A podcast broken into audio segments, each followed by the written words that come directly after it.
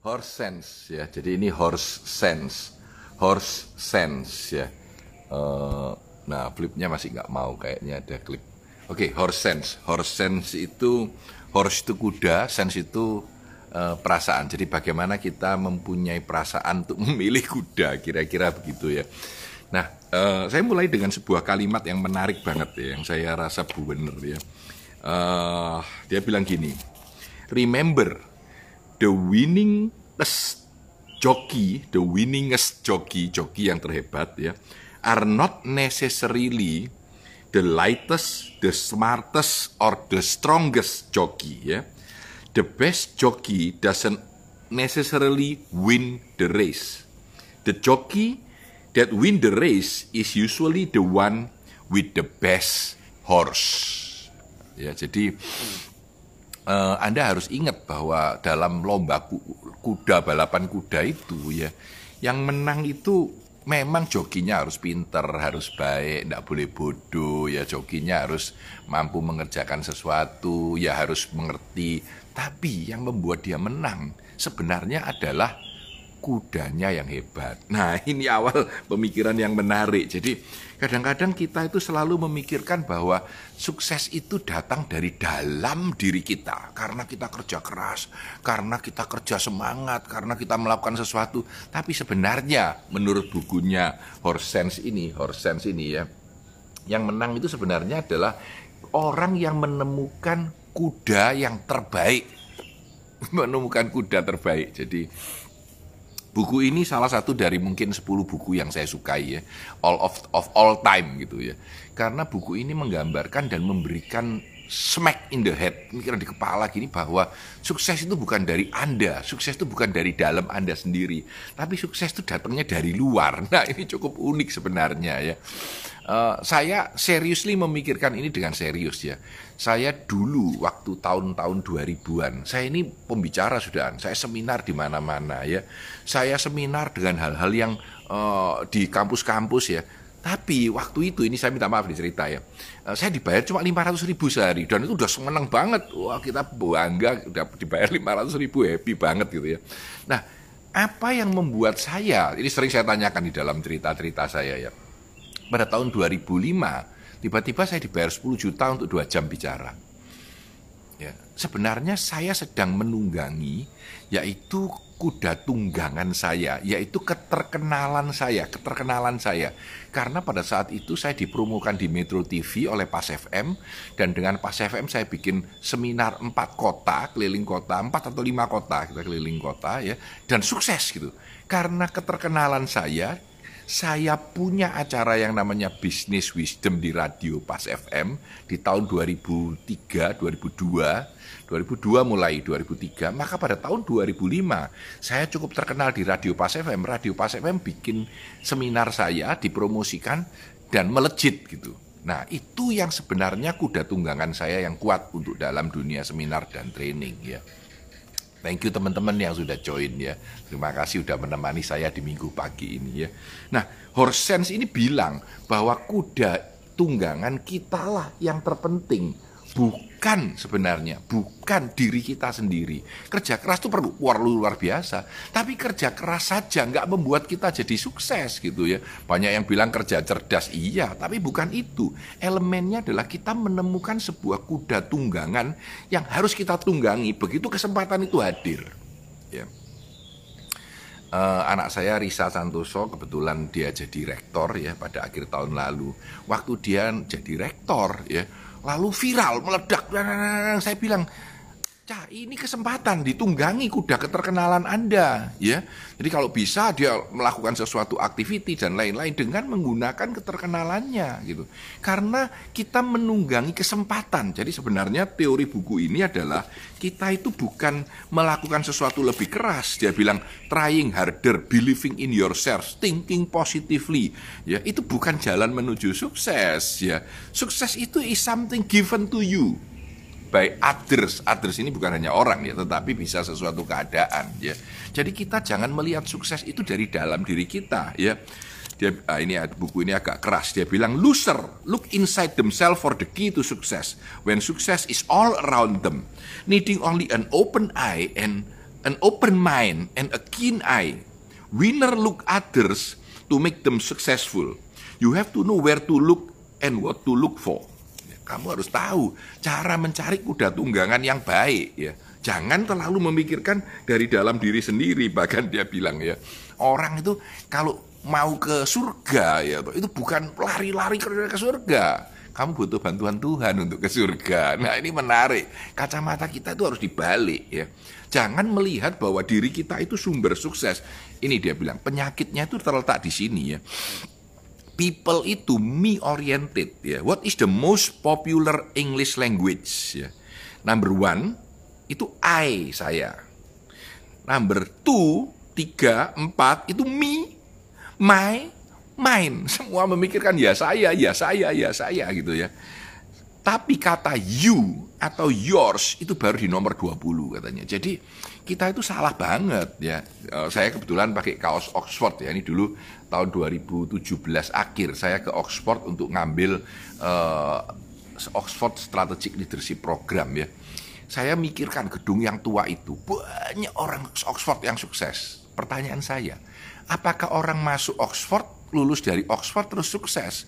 Kemungkinan bapaknya kaya raya, jadi dia bisa masuk Oxford ya. Dan begitu keluar dia ngurusin bisnis bapaknya, dia sukses. Tapi orang salah pikir bahwa dia berasal dari Oxford. Coba cari di Indonesia, orang-orang yang hebat yang sukses. Coba Anda cari, apakah dia kuliahnya di tempat-tempat yang hebat? Tidak selalu ya.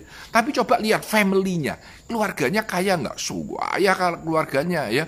Jadi kita harus melihat kapan kita melihat keluar. Nah, saat mencari sukses, kita harus mencari sukses, jangan mencari di dalam diri kita sendiri ya. Nah, ada beberapa dia bilang kuda itu yang jelek adalah kalau kamu melihat diri sendiri. Kuda yang medium itu kalau kita melihat keluar dan ke dalam.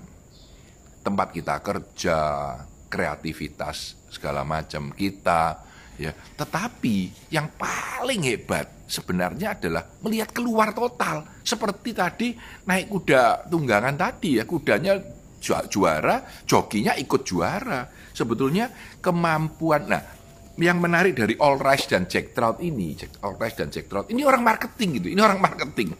Jadi saya beli buku ini di tahun 90-an, 91 atau 90 ya. Lalu hilang bukunya, bukunya hilang.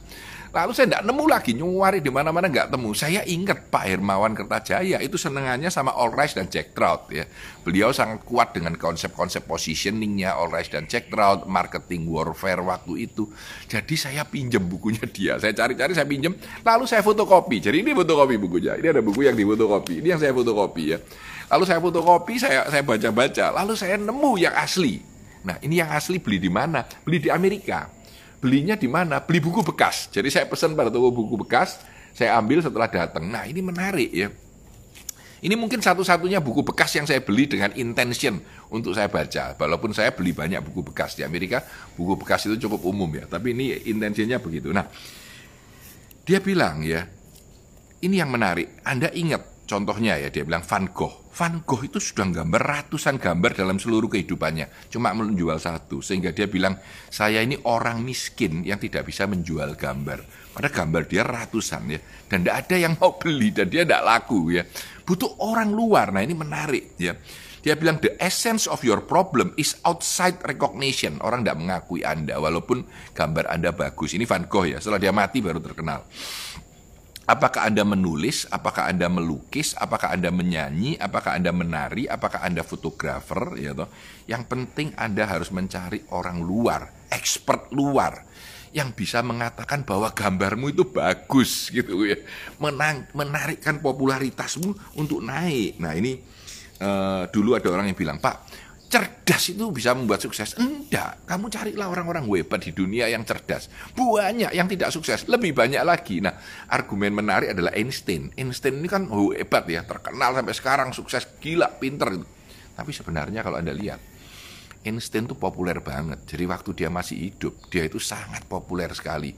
Dia cerita tentang kehidupannya, dia menggambar orang tahu dia, dia jadi kayak selebriti. Jadi dia sebenarnya menunggangi popularity horse. Popularity horse. Dia menjadi terkenal karena dia populer ya. Nah, eh, ada orang bilang bahwa sukses breed confident. Jadi kalau orang sukses merasa confident gitu. Sebetulnya terbalik. Confident tidak membreed sukses, tapi sukses yang breed confident. Terbalik ya. Jadi orang merasa kamu punyalah keyakinan diri. Kalau kamu punya keyakinan diri, kamu bisa sukses.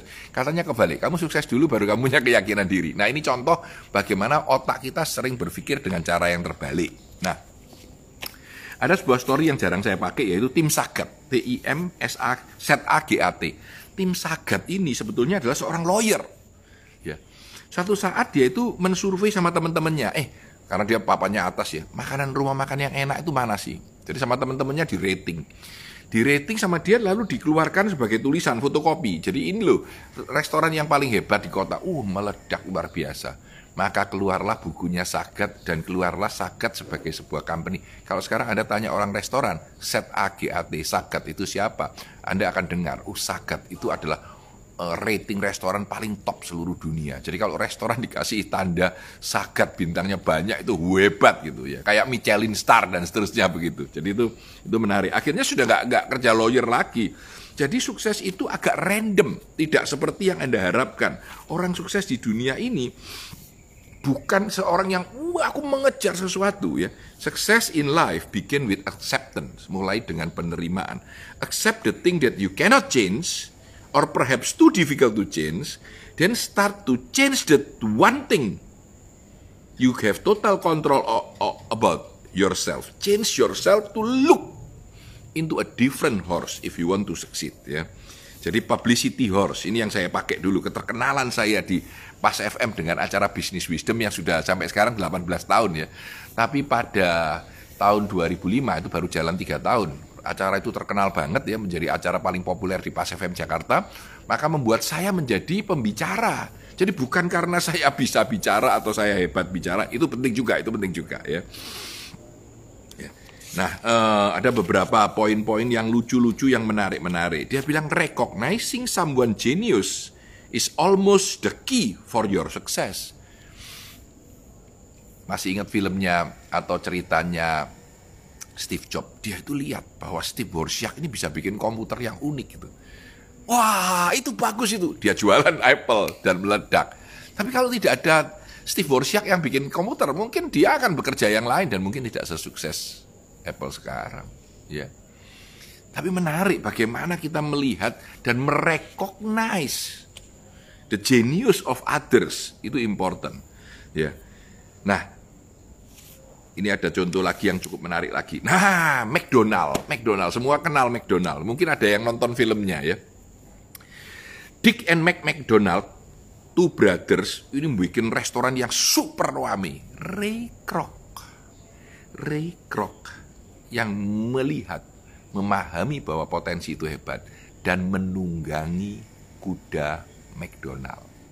Saya ulangi, Ray Kroc bukan pendirinya, bukan yang namanya Dick and Mac McDonald, tetapi dia yang menunggangi. Dia melihat keluar, be a recognizer, orang yang merecognize keadaan, ya. Look outside yourself for product, for opportunity that can make you successful. Ini menurut menurut buku ini super penting dan saya setuju banget. Saya setuju banget dengan buku ini ya. Uh, dia bilang bahwa kita itu masuk ke company besar. Ini contoh ya, Anda masuk ke company besar, wah Anda ke Astra, Anda ke Citibank, Anda ke perusahaan-perusahaan top dunia ya. Hati-hati dia bilang, hati-hati ya. Kalau Anda lihat di Microsoft, di mana-mana company-company besar, itu justru orang yang pertama kali masuk. Ya, 100 orang pertama yang kerja di Microsoft, semuanya milioner. Boleh ada cek datanya ya.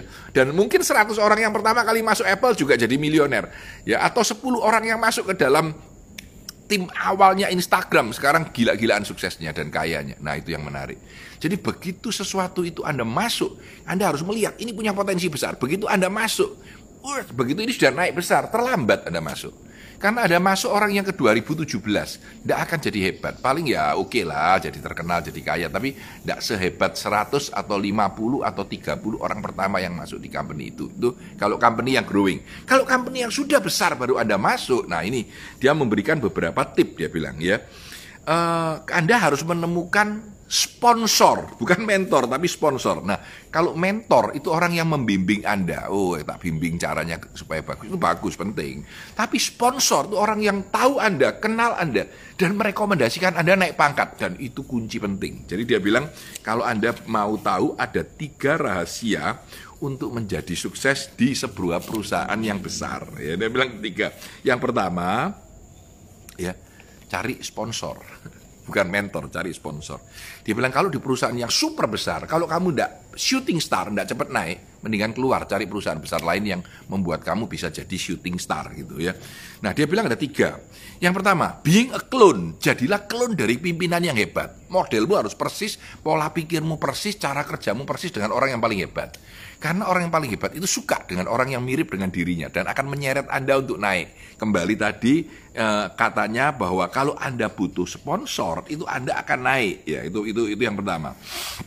Jadi being a clone, jadi orang yang meniru orang yang hebat dalam perusahaan Anda. Dua, finding a sponsor, ya, mencari sponsor. Dan yang ketiga, getting on the fast track. Harus naik jalan cepat naik, cepat naik, cepat naik. Kalau Anda tidak cepat naik, jauh kalah dengan orang lain, Anda tidak akan besar lupakan, mendingan pindah ke perusahaan lain di mana Anda bisa menjadi shooting star. Ini top advice-advice yang menarik sekali menurut saya ya. Early bird ya, orang yang pertama kali ya itu yang akan kuat. Jadi jangan ikut sama orang-orang yang di belakang. Yang di belakang itu tidak akan punya kesempatan karena ketinggalan. Nah, saya akan cerita tentang family horse. Family horse. Jadi dalam family horse, family horse itu diceritakan bahwa sebenarnya sadar atau tidak, saya tadi cerita bahwa di Oxford ini kebanyakan orang tuanya kaya atau orang tuanya smart atau orang tuanya powerful atau orang tuanya jadi family horse ini sebetulnya kalau diurut tingkatannya dari 13 kuda tunggangan yang ditunjukkan ya mulai dari smart otak mulai dari gelar aku PhD aku apa PhD banyak yang nggak nggak sukses gitu ya. Itu sebenarnya yang paling mentok paling ciami paling bagus itu family horse. Termasuk Donald Trump orang tuanya kaya dikasih duit di buku ini ada ceritanya ya jadi sukses gitu ya. Walaupun saya nggak suka Trump ya. Tapi ya ya oke okay lah dia jadi presiden gitu. Yang menarik dalam hidup ini family horse adalah sesuatu yang paling sering dilupakan orang. Ketika orang sudah sukses keluarganya sukses bisnis keluarganya sukses dia merasa sudah nggak usah lah aku tak kerja lain nih mencari nggak nggak salah tapi family horse is actually the most powerful horse kenapa karena orang tua anda ingin anda sukses gitu. dan dia akan membantu anda sepenuhnya untuk menjadi sukses Sebaliknya orang tua juga harus sadar bahwa family horse, kuda tunggangan keluarga, itu harus diajarkan kepada anaknya. Saya bukan bilang bahwa kamu punya uh, apa warung Tegal lalu anakmu yang meneruskan warung Tegal. Tapi anakmu bisa belajar cara membuat warung Tegal. Mungkin dia akan bukan bikin McDonald. It's okay. Tetapi the power bahwa kamu mengerti membuat warung Tegal dengan sangat ramai dan enak itu kamu salurkan kepada anakmu dan membuat anakmu tumbuh menjadi lebih baik dari Anda. Nah ini orang tua juga harus memikirkan tentang ini dalam family horse ya. Kalau Anda lihat dia bilang nama-nama kunci seperti Ford, Kennedy, Marriott ya uh, Trump, terus uh, Lauder, Christine Lauder, itu semua nama family. Mereka hebat karena apa? Karena family horse. Dan itu tidak salah, sah-sah saja ya. Dia bilang orang-orang terkaya di Amerika itu kebanyakan family horse semua. Ya dia nunggangi kuda tunggangan keluarga gitu ya. Bahkan Paris Hilton itu dulu marah-marah karena tidak diberi harta oleh orang oleh uh, Hil, oleh kakeknya si Hilton. Tapi Anda melihat menarik, tetap dia menjadi terkenal menunggangi nama keluarga karena sebetulnya family horse itu adalah salah satu horse yang sangat powerful yang harus Anda pakai, yang harus Anda kembangkan. Nah, menutup pemikiran tentang uh, horse sense ya changing horse. Ini menarik, changing horse. Kadang-kadang ada saatnya kita berganti kuda tunggangan. Kenapa saya emphasis tentang changing horse ini? Karena ini masa pandemi. Pada masa pandemi ini kita harus belajar melihat kesempatan baru yang unik.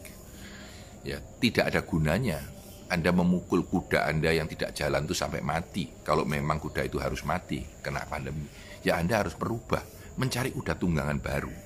yang punya kesempatan baru, yang punya kemungkinan baru untuk menjadi lebih sukses ya. Uh, change your horse gitu. Jadi rubahlah kuda Anda ya. Even in the same company, kalau di sama perusahaan yang sama. Dulu aku naik kuda tungganganku adalah kerja keras. Sekarang rubahlah kuda tungganganku. Oh, aku lihat bosku ini butuh aku. Ya aku kuda tungganganku berikutnya adalah kerjasama dengan bosku ya aku menunggangi itu. Kalau dalam perusahaanku, aku membuat sebuah produk baru. Produk baru ini kelihatannya bakal meledak. Oke, aku menunggangi produk ini sebagai kuda tungganganku. Aku push all out sehingga begitu produk ini meledak, aku ikut naik. Jadi kita harus pandai untuk melihat keluar, jangan melihat ke dalam. Ya, lupakan bahwa aku harus smart, lupakan aku harus kerja keras, kerja keras. Ini kata buku ini ya, kerja keras dan kuda yang baik keduanya akan membuat Anda menjadi sukses. Ya. Anda boleh menunggangi dua kuda sekaligus atau tiga kuda sekaligus. Udah keluarga, aku dikenalin oleh bapakku, ya, aku dikenalin oleh saudaraku, tapi perusahaan, aku naik perusahaan yang bagus. Tiga, aku juga disponsor oleh uh, uh, atasanku atau omku yang menjadi direksi di perusahaan itu. Tiga-tiganya kuda tunggangan, tiga-tiganya dinaikin bersamaan, itu oke, okay. very good. Ya. Nah, kadang-kadang butuh changing horse. Kata changing horse ini adalah merubah, merubah apa yang ada di saat ini yang saya naikin ya. Jadi saya, kita saya beberapa saat ini sering mikir ini ketika terjadi uh, pandemi ini, thank you thank you untuk pujiannya thank you. Ya, uh, ketika terjadi pandemi ini saya mikir what is the next horse that you can ride? Apa kuda tunggangan berikut yang bisa Anda naiki? Ini yang penting menurut saya, ya kalau Anda bekerja seperti apa adanya, Pak, sorry Pak, bisnisku travel, aku susah Pak.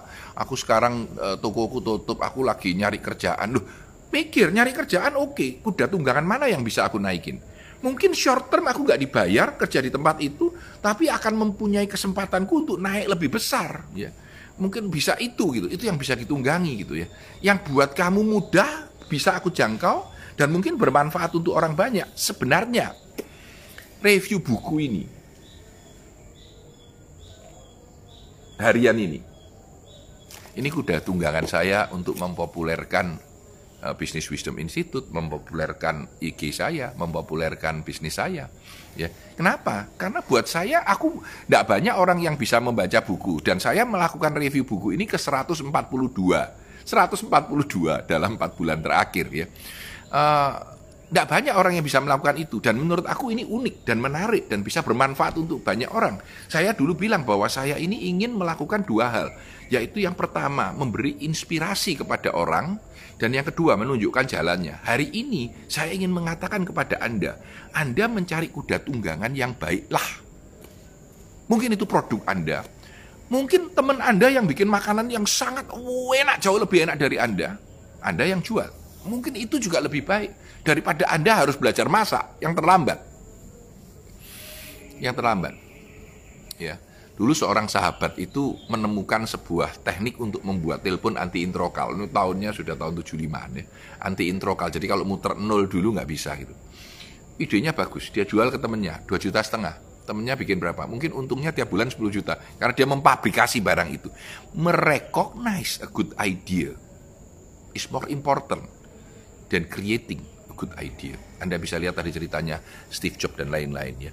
Nah, teman-teman sekalian, ini mungkin masa pandemi dan ini hari Minggu. Buku ini sebenarnya pernah saya review, tetapi saya review di banyak lama yang lalu kayaknya sebelum review itu menjadi IGTV ya. Jadi sebelum otomatis jadi IGTV. Jadi tadi saya cari-cari-cari nggak ada gitu. Jadi ada yang komplain kapan itu saya nggak lihat ketemu bukunya Horsens Pak. Ternyata memang nggak ada. Jadi pagi ini saya pikir hari Minggu saya review ulang buku ini karena ini satu dari mungkin 10 buku yang merubah hidup saya dan cara saya melihat dunia ini dan bisnis ini. Ya.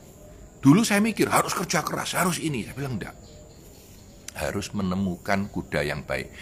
Salah satu kemampuan yang saya pertajam adalah kemampuan melihat kesempatan yang belum dilihat orang. Jadi ketika orang-orang belum mulai mentraining design thinking, saya ke Stanford, saya belajar design thinking dengan banyak ya. Lalu saya bawa ke Indonesia, saya training design thinking di mana-mana. Sehingga saya lebih dulu dari orang lain. Kedua, uh, saya melihat Lego Serious Play. Di Amerika saya lihat ceritanya, wah Lego ini bagus. Langsung saya cari, saya daftar, saya segala macam ya. Itu zamannya Lego Serious Play juga belum terlalu terkenal di Indonesia.